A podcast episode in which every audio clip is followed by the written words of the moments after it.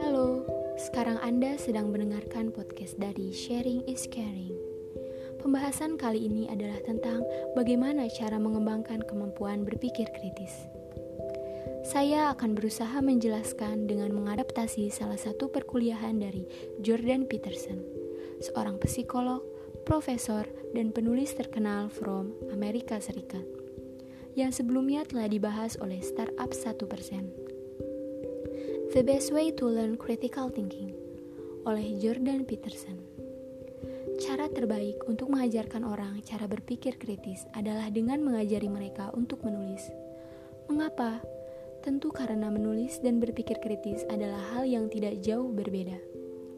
Ketika kita sudah tahu caranya menulis dengan baik dan benar, maka kita akan mampu untuk berpikir kritis dan orang yang bisa menulis dan berpikir kritis adalah orang yang bisa melakukan sesuatu dengan efektif. Itulah hal yang membuat kita menang dari pertarungan. Itulah yang membuat kita unstoppable menghadapi semua rintangan dalam hidup. Berpikir kritis adalah senjata terbaik yang bisa kita berikan kepada seseorang. Orang-orang sukses yang ada sekarang adalah pemikir kritis. Kalau kita bisa berpikir kritis, bisa memformulasikan argumen secara urut, dan bisa menjelaskan dengan baik kepada orang lain, uang akan secara otomatis mengalir kepada kita. Orang bukan saja akan memberikan uang, tetapi juga opportunity. Inilah alasan mengapa kita perlu menjadi sarjana. Inilah alasan mengapa universitas ada.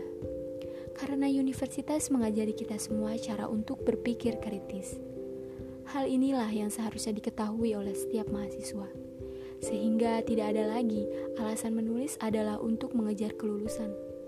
Karena tujuan menulis itu sendiri bukan demikian, tetapi tujuan menulis adalah untuk melatih kita cara berpikir kritis.